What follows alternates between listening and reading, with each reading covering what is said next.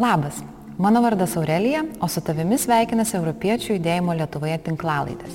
Beldžiasi į tavo dienotvarkę ir tikisi dėmesio pokalbėms apie aktualius Europai klausimus. Tikimės, kad diskusijos ir tavo dalyvavimas padės suprasti mūsų supantį pasaulį ir prisidėti prie tvaresnės ateities kūrimo.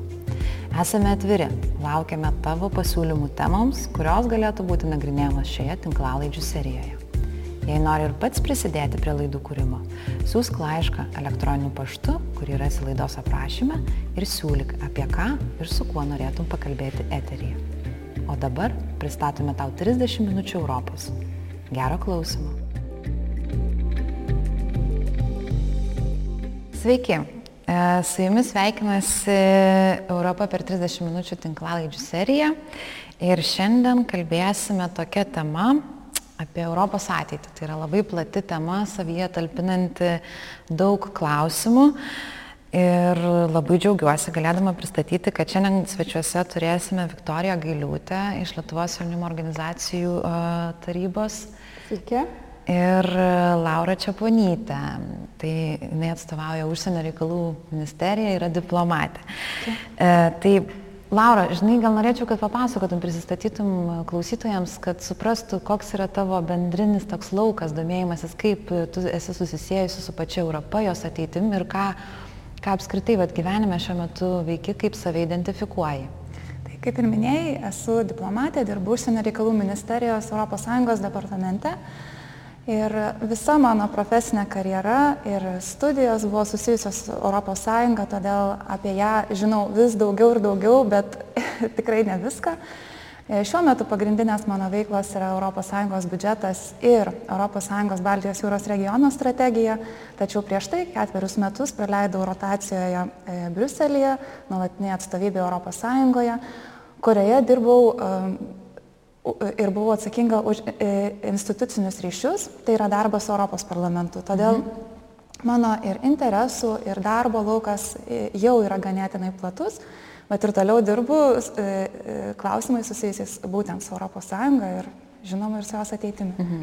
Tai žodžiu, teko pažinti ar ne ir institucinę pusę ir grįžus į Lietuvą kažkiek pritaikyti tų išmoktų dalykų Tikrai taip, aš galvoju, kad dabar jau esu uždariusi visą ciklą. Tai yra, pradėjau nuo studijų, kur įgyjau teorinių žinių, tuomet tęsiau darbą užsienio reikalų ministerijoje, kur tiesiog E, formuodavau pozicijas tiems e, kolegoms, kurie dirba Bruselėje ir galiausiai pabuvau Bruselėje, kur gaudavau instrukcijas Taip. iš Lietuvos ir, ir, ir pristatydavau ir, ir gindavau Lietuvos poziciją tiek darbo grupėse, tiek, e, žinoma, ir ryšiuose su Europos parlamentu. Tai tas visas ciklas yra užsidaręs, aš grįžau iš Bruselio su, su, su tikrai nemaža patirtimi, bet ES yra tiek plati, kad žinių ir, ir tobulėjimo ir mokymosi tikrai niekada nepritrūks. Tai bus labai įdomu išgirsti daugiau iš tavo patirties, tokių išvalgų iš tų laikų, kai galbūt ir teko atstovauti Lietuvos nuomonę ir dabar, kaip viskas tenais vyksta. Ir tada turime Viktoriją. Tai Viktorija, papasako, kaip tu gyveni šiandien, kaip save identifikuoji ir irgi kaip esi susijusi su ta Europa, kas tau Europa yra. E, tai aš esu toks žmogus, kuris save vadina pilietišku žmogumi ir labai gerai atsimenu 2004 metus, E, ir tą referendumą dėl mūsų mhm. narystės Europos Sąjungoje. E, ir atsimenu, kai būdama 8 metų išdidžiai nešiau lipduką tėvų, kad aš balsavau referendume ir, ir kažkaip visa ta jau mano paauglystė ir dabar pabaigus studijas ėjo koja kojant su Europos Sąjunga ir narystė Europos Sąjungoje. Tai aš manau, kad na, man kaip jaunam žmogui ir apskritai Lietuvai kaip jaunai demokratijai, E, narystė Sąjungoje yra vienas geriausių dalykų, kurie galėjo nutikti e, po šitiek, šitiekios metų okupacijos ir totalitarnio režimo, kai mes dabar esam tikrai vakarietiškos e, šeimos dalimi ir, ir europietiškos bendruomenės dalimi. Tai aš pati baigiau Tarptautinių santykių institutą, Tarptautinių santykių ir diplomatijos studijas, tai tas europinis kontekstas visada buvo svarbus lygiai taip pat europinis kontekstas svarbus yra ir mano kitoje veikloje, tai yra kaip Lietuvos jaunimo organizacijų tarybos valdybos narės. Tai mes tikrai bendraujame su Europos jaunimo organizacijomis, esame Europos jaunimo forumo nariai taip pat. Tai Europa yra neatsiema mūsų jaunų ir visų Lietuvos žmonių gyvenimo dalis, tai turbūt dėl to man ir yra įdomu, kokia bus Europos ateitis toliau. Ypač kai dabarties iššūkiai kelia labai daug klausimų. Tai tikiuosi, kad šiandien laidoje paliesime tikrai daug e, įvairiausių aspektų susijusių su Europos ateitimi, o pradėti norėčiau vis tik tais e, kreipdamas į Laurą ir klausytojams pristatydama tokią Europos ateities konferenciją. Ar ne, tai yra Europos, visos ES mastų vykstantis a, piliečių įtraukimas, ar ne, toksai bendras veiksmas, tai gal galėtų mums plačiau papasakoti, tai kaip vyksta visa tai, kokius aktyvius vaidmenius europiečiai gali prisijimti ir kaip mes visi kartu vat ir konstruojame tą ateitį. Taip, aš gal pradėsiu šiek tiek iš istorinės perspektyvos. Man atrodo, kad ateitis susideda iš dviejų, dviejų elementų. Pirmiausia, tai yra kažkokios galimybės. Antra, kaip tomis galimybėmis mes pasinaudojam. Taigi poreikis įtraukti piliečius į, į, į ES klausimų sprendimais kilo ir vis augo jau, jau pastaruosius keletą metų. Ir tai yra susiję tiek su naujais iššūkiais ir su krizėmis, kurios kyla, tiek ir su augančiu, pavyzdžiui, dezinformacijos srautu, kai piliečiai privalo žinoti tuos teisingi, teisinguosius faktus vietoj to, kad, kad matytų arba skaitytų netikslę arba melagingą informaciją. Ir piliečių traukimo iniciatyvos nėra, nėra naujos. E, anksčiau vyko Europos piliečių dialogai, tai irgi visoje ES vykusios diskusijos su piliečiais e, Lietuvoje, jos vyko regionuose, buvo organizuojamos įvairios diskusijos, seminarai, siekiant išgirsti, o kągi iš tiesų piliečiai galvoja. Nes viena yra valstybės lygių ministerijose, vyriausybėje suformuoti poziciją ir ją nuvežti ES ir ginti, kita yra pagrysti tą e, poziciją realiais piliečių lūkesčiais. Ir kasgi atsitiko po pastarųjų Europos parlamento rinkimų, kurie buvo tikrai labai sėkmingi, kurie, e, kurie pritraukė daugybę rinkėjų ir daugybę jaunų rinkėjų. Europos komisijos pirmininkė pasiūlė organizuoti Europos ateities konferenciją. Tai irgi mhm. didžiulė platforma, didžiulis forumas, kuris siektų pritraukti tiek piliečius, tiek pilietinės organizacijas, tiek mokslininkus, ekspertus ir žinoma e, tiek ES institucijas, tiek ir valstybių narių e, viešojo administravimo institucijas. O tikslas yra sukurti galimybę visiems diskutuoti, visiems pasidalinti savo idėjomis ir galiausiai suformuluoti kažkokį tam tikrą sąrašą idėjų, kogi mes norėtume iš ES ir kokia jinai turėtų būti ateityje. Ir žinoma, COVID ir čia pakišo koją, e, jau e, tikėtina, kad e, konferencija jau būtų prasidėjusi, tačiau kol kas to nėra, bet tikėtina, kad konferencija truks dviejus metus. Mhm. Tai yra vis tiek, bet kokiu atveju prasidės dar šiemet ir pasibaigs 22 metais. Na ir baigiamasis renginys, na, mes jį dar pamatysim, koks bus, bet visa iniciatyva yra valstybių narių rankose. Tai Lietuvos atveju e, taip pat yra planuojamas konsultacijos e, su visuomenė, būtent ES ateities klausimų.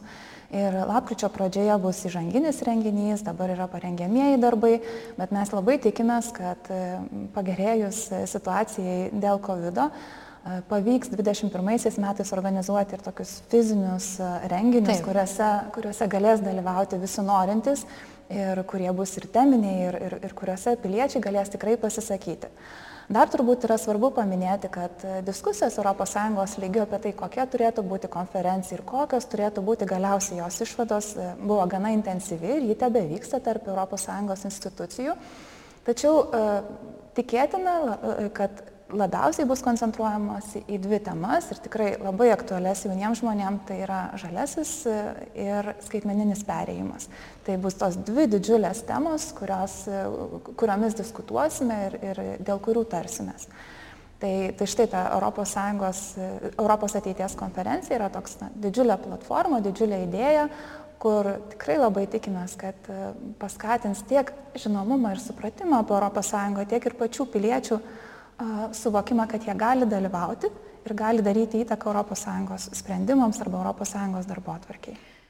Supratau, tai žodžiu, toksai gaunasi kaip ir labai uh, didelio masto renginys, formatas, ar ne, kurio, kurio metu mažesnėmis grupėmis uh, eilė žmonių susitikinės per visą Europą ir, ir aptarnės būtent tos klausimus.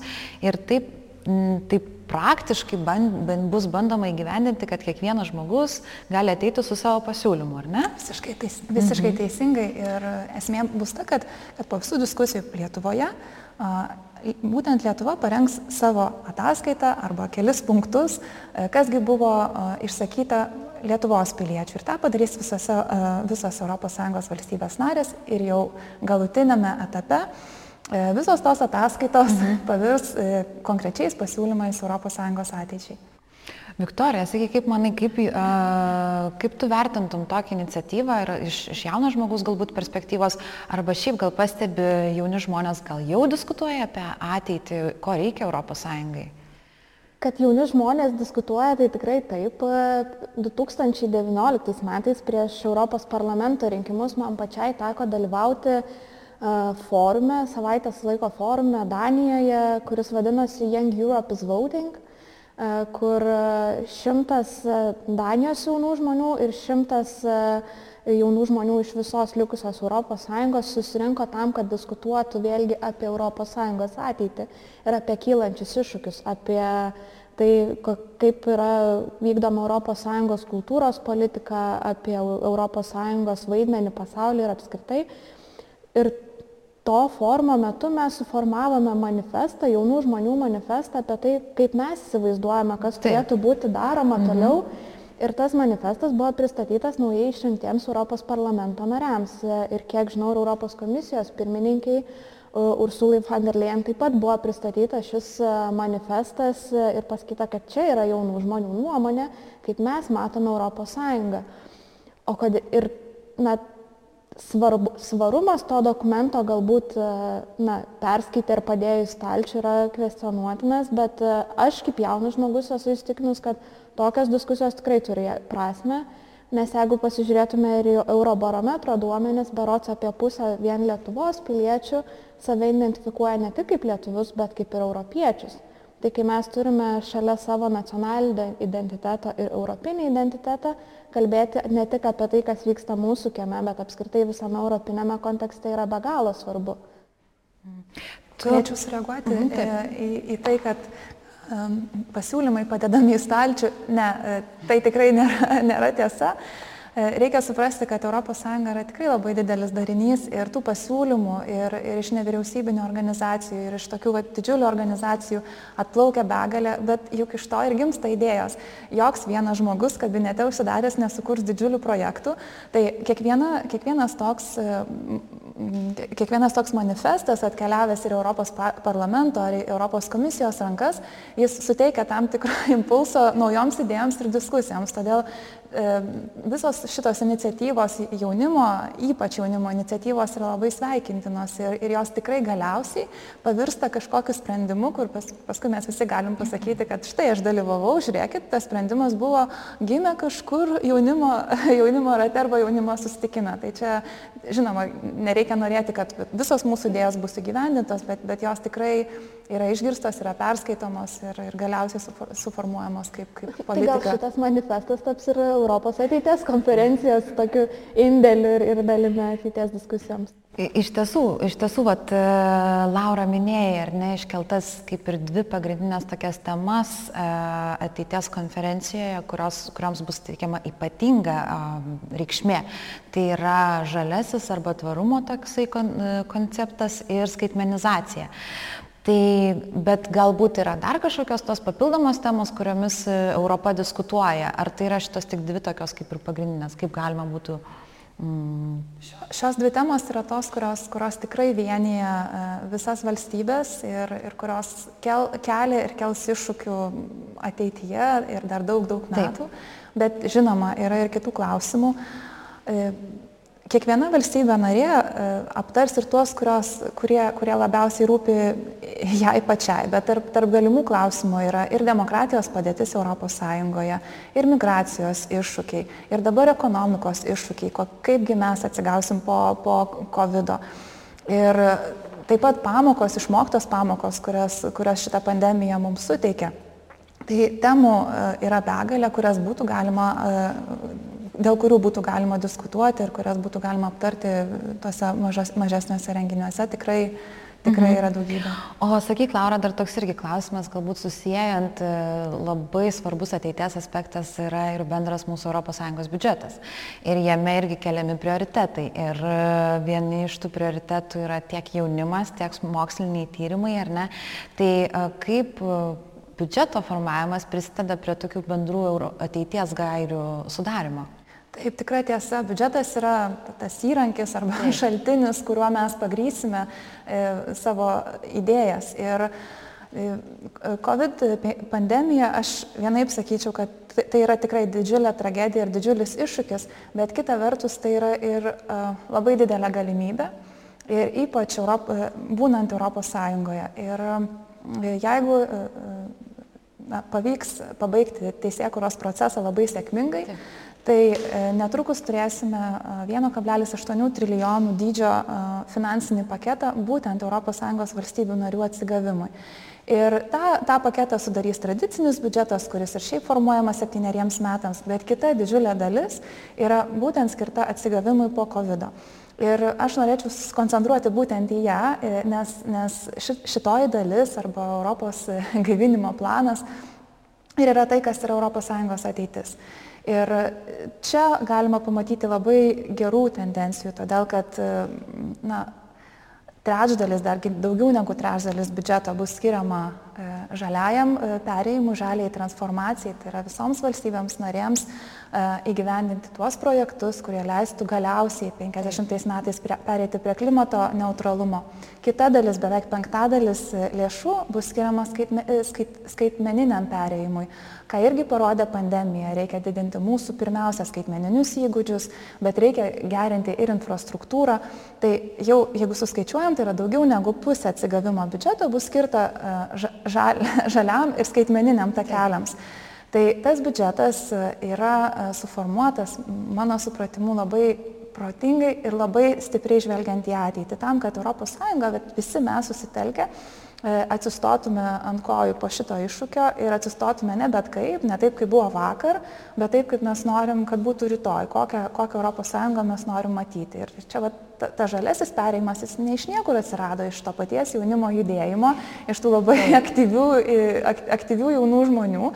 Tai, tai sakyčiau, kad tas biudžetas, tik tai reikia sulaukti teisėkuros pabaigos ir uh, labai atidžiai ir labai atsakingai apsispręsti, į kokias gisritis mes jau tuomet investuosime savo nacionaliniu lygiu. Diskusijos Lietuvoje vyksta, e, planai jau yra rengiami, Tai aš labai tikiuosi, kad tie planai bus, bus tokie, kurie, kuriais mes po, po ir dešimtmečio, ir po dvidešimties metų na, džiaugsimės ir galėsim sakyti, kad štai tikrai pasinaudojom tą na, galimybę, baisę situaciją, mhm. e, išeiti daug, daug stipresniems ir, ir, ir daug, daug labiau išsivyčiusiems ir daug labiau pasiekusiems. E, norėjau pakalbėti ta, paklausti, Viktorija, tavo nuomonės vat, apie visą šitą ar ne biudžetą ir planuojamas investicijas. E, ne veltui buvo minima, kad jaunimas iš tikrųjų buvo arba yra netgi viena iš varomųjų jėgų, kurie atkreipia dėmesį į žalį, į kursą, į tą žalį mūsų ateitį. Ir ES tikrai turi daug iniciatyvų, kurios yra orientuotos tiesiogiai į jaunimą. Kaip tu manai, kokios iš tų iniciatyvų pasiteisinusios ir kokių iniciatyvų galbūt jaunimui ateityje reikėtų daugiau? Ar tai, nežinau, investuoti ir plėsti ten, pavyzdžiui, galimybės keliauti, ar tai ten kažkokios tai paramos ar ne pradžiai, verslumui ir panašiai. Kokios vis tik tos didžiosios tendencijos ateityje, ko tikisi jaunimas? Na, teisingai Laura pastebėjo, kad e, jaunimas iš tiesų yra tie žmonės, kurie išneša tam tikras temas, kaip e, žalesis kursas e, atsirado Sąjungoje. Tai, na, Lietuvoje bent jau, aš turbūt labiausiai galiu kalbėti apie Lietuvos jaunimą, tai irgi tai yra ta, ta tendencija, kad mes nešame temas, mes nešame per savo pasiūlymus ir, ir va dabar yra vienas naujausių mūsų organizacijos dokumentų, tai yra pasiūlymai būsimosios vyriausybės programai kur viena iš e, esminių temų e, ir svarbiausių jaunimui temų yra būtent žaliosios ekonomikos tema, mhm. kur mes e, kalbame apie tai, kad mums reikėtų pereiti prie žiedinės ekonomikos koncepto, kad kuo mažiau būtų atliekų, kad reikėtų gerinti teisinę bazę, kuri galbūt leistų taikyti tam tikras griežtesnės bausmes tam tikrais atvejais už tai, kad mes net tausojame savo gamtos. Ir mums tai yra svarbu, mes e, norime gyventi pasaulyje, kuriame žinotume, kad rytoj atsikėlę nebūsime nuplauti ištirpusių ledynų vandens. Ir, ir grėsmė mums yra, mes turime pajūro krantą, kas žino, Taip. po, nežinau, 20-30 metų tiek ištirps ledynai, kad uh, ne, neturėsime kuršių nerijos galbūt, nes tiek pakils vandens lygis ir tai mes matome kaip grėsmę. Tai aš manau, kad e, biudžetas formuojamas tikslingai ir teisingai. E, kokių trūksta iniciatyvų, turbūt e, geriausiai mato bendrame europinėme kontekste žmonės, kurie formuoja tą biudžetą. Lietuvos kontekste mes visą laiką kalbame apie paramą jaunam verslui, jauniems žmonėms pradėti savo iniciatyvas. Bet e, netgi ir vieta, kurioje mes šiandien esame, Vilniaus naktinis avilys, rodo, kad jauni žmonės simasi kažkokių idėjų, jas įgyvenina ir randa būdų. Tai mano vertinimas yra teigiamas dėl biudžeto susidarimo, o, o dėl kažkokių naujų tikslingų iniciatyvų kažkaip tokio tikslaus atsakymo aš jums ir nepateiksiu. Prisipažinsiu, kad ir nežinau. Sako, prisipažinti, kad nežinai yra tai Taip, geras bruožas. Tai. Aš gal kelias tik tai galėčiau priminti, tai e, ir Erasmus, e, Erasmus, Taip, Erasmus Plus programa. Ir vėlgi biudžetas e, šiai programai auks. Taip pat, kas dar labai svarbu jauniems žmonėms, tai yra horizontas, Europos horizontas mokslinių tyrimų programa, kur irgi biudžetas auks. Tai tos tokios standartinės, tradicinės programos, kur, kur manau, kad ne, kartais ne pinigų trūkumas yra, o kartais mūsų žinių trūkumas, e, informacijos trūkumas lemia, kad, kad mes nepasinaudojam tomis galimybėmis. Bet informacijos trūkumas yra ne todėl, kad jos nėra, o todėl, Taip. kad gal mes kartais nesusirandam arba nenorim paieškoti arba nepamatom.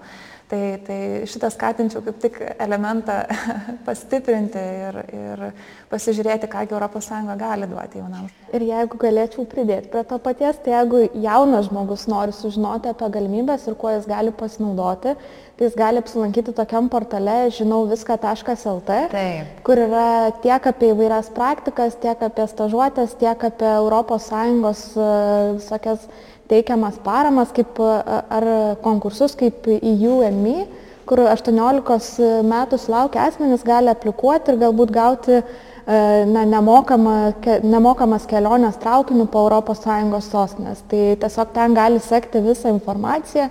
Žinau, viską, tai yra pats geriausias portalas jaunam žmogui.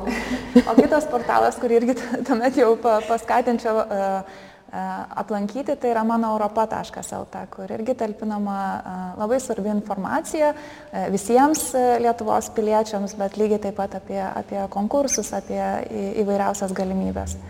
Labai smagu, kad paminėjote tokius esminius tinklalapius, kuriuose galima rasti tą susistemintą informaciją, nes tikrai prisipažinsiu, aš irgi kartais pati ieškau vieno ar kito dalyko biški pasiklysti, bet galiausiai po to vėl tave nuveda turbūt į šitus du pagrindinius tinklapius. O dabar norėjau paklausti tokio dalyko, mm, kalbant apie jauną žmogų, e, jis, aš sakyčiau, kad jaunas žmogus daro sprendimus, kurie jo ateitį nulėmė ypatingai dažnai, ko ne kasdien, renkasi kažką tais, ar ne, e, kas, kas po to ateityje jam turi vienokią ar kitokią įtaką. Aš norėčiau kažkaip tais apibendrintai galbūt arba tiesiog po kokį nors vieną iš jūsų asmeninės patirties, kokį patarimą turėtumėte jaunam žmogui, kaip nebijoti daryti sprendimų arba į ką atkreipti dėmesį darant sprendimus, kurie turės ateityje tau įtakos. Laura, kaip tu manai, ką galima būtų iš asmeninės tavo patirties patarti? Aš galėčiau pasakyti, kad mano ateitį e, tikrąją to žodžio prasme nulėmė viena knyga, laimėta per teisinių žinių konkursą kuri vadinasi Europos Sąjunga. Tai buvo iš tiesų dabar atrodo labai juokinga, bet e, perskaičiusi tą knygą, kadangi negalėjau dalyvauti referendume 2004 metais, tai perskaičiusi tą knygą kažkodėl supratau, kad man ES labai patinka. Ir štai mano likimas yra nulemtas vienos knygos, kažkada perskaitytos, galbūt tai galėjo būti kita knyga, bet visas mano gyvenimas kažkaip susisiejo būtent su šia organizacija ir su mūsų Lietuvos veikla joje. Tai e, jaunam žmogui, man atrodo, drąsos netrūksta. Jam kartais e, tiesiog reikia turėti ambicijos ir turėti užsispyrimo mhm. ir aišku, e, na, nebijoti to, kad kelias iki tikslo gali būti kartais ilgas, kartais dobėtas, kartais netoks tiesus, kaip norisi, bet svarbiausia nepasiduoti ir, ir, ir siekti savo svajonių. Aš visiškai sutinku su to, ką pasakė, bet uh, aš kartais naudojas e, savo kaip modu tokį šiek tiek brutalų pasakymą, kad jaunas žmogus neturi bijoti spardyti durų ir e, proto ribose maištauti.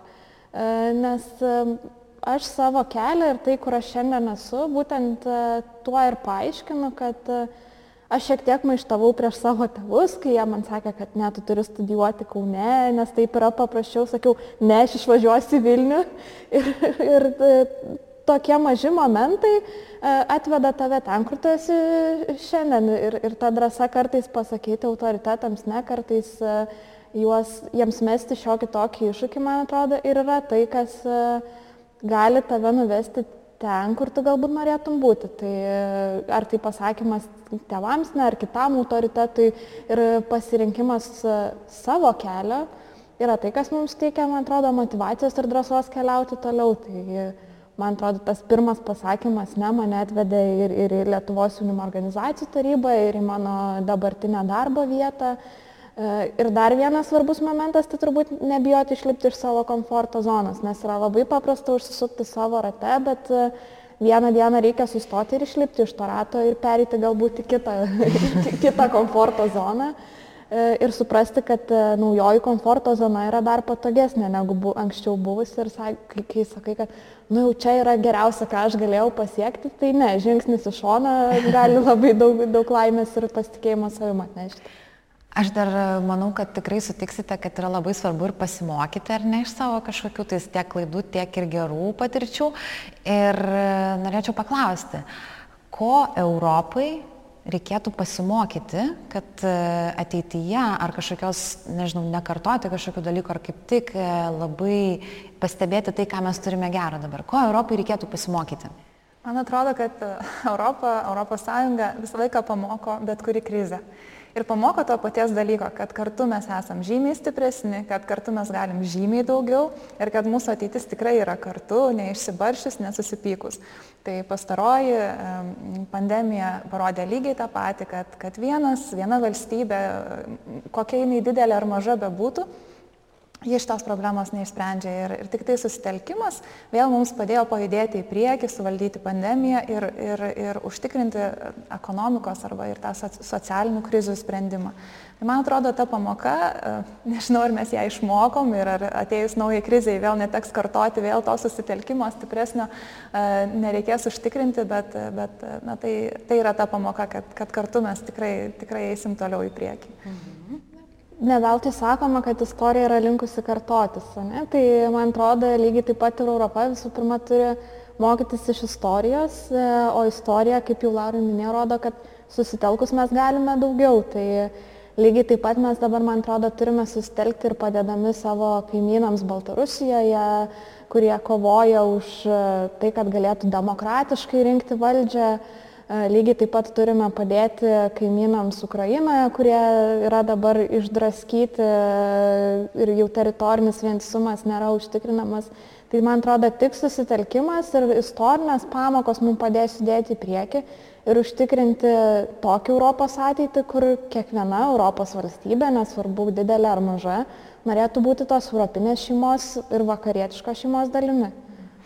Tai turbūt apibendrinimui galima būtų taip e, pasakyti, kad e, iš tikrųjų e, mūsų stiprybė yra susitelkimas, Europos turtas yra jos žmonės ir kalbėdami apie ateitį turbūt kiekvienas iš mūsų turime pradėti mąstyti tvariau, ar ne, kaip galima save ir savo visą aplinką arba gyvenimą kreipti į tą žalėją pusę, taip pat kalbėti ir aiškintis, kasgi yra ta skaitmenizacija ir kaip aš galiu tapti viso to dalimi. Ir Turiu labai Jums padėkoti už šitą pokalbį, labai man patiko su Jumis kalbėtis ir išgirsti ir Jūsų nuomonės ir asmeninės patirtis. Tai ačiū labai Laura, ačiū Viktorija ir tikiuosi, kad ir klausytojams buvo malonu ir susitiksime su Jumis galbūt kitose formatuose, galbūt ateities konferencijoje ar ne. Ir visus kviečiame sekti, domėtis ir tapti kartu Europos ateities kuriejais. Ačiū labai. Ačiū. Iki. Iki.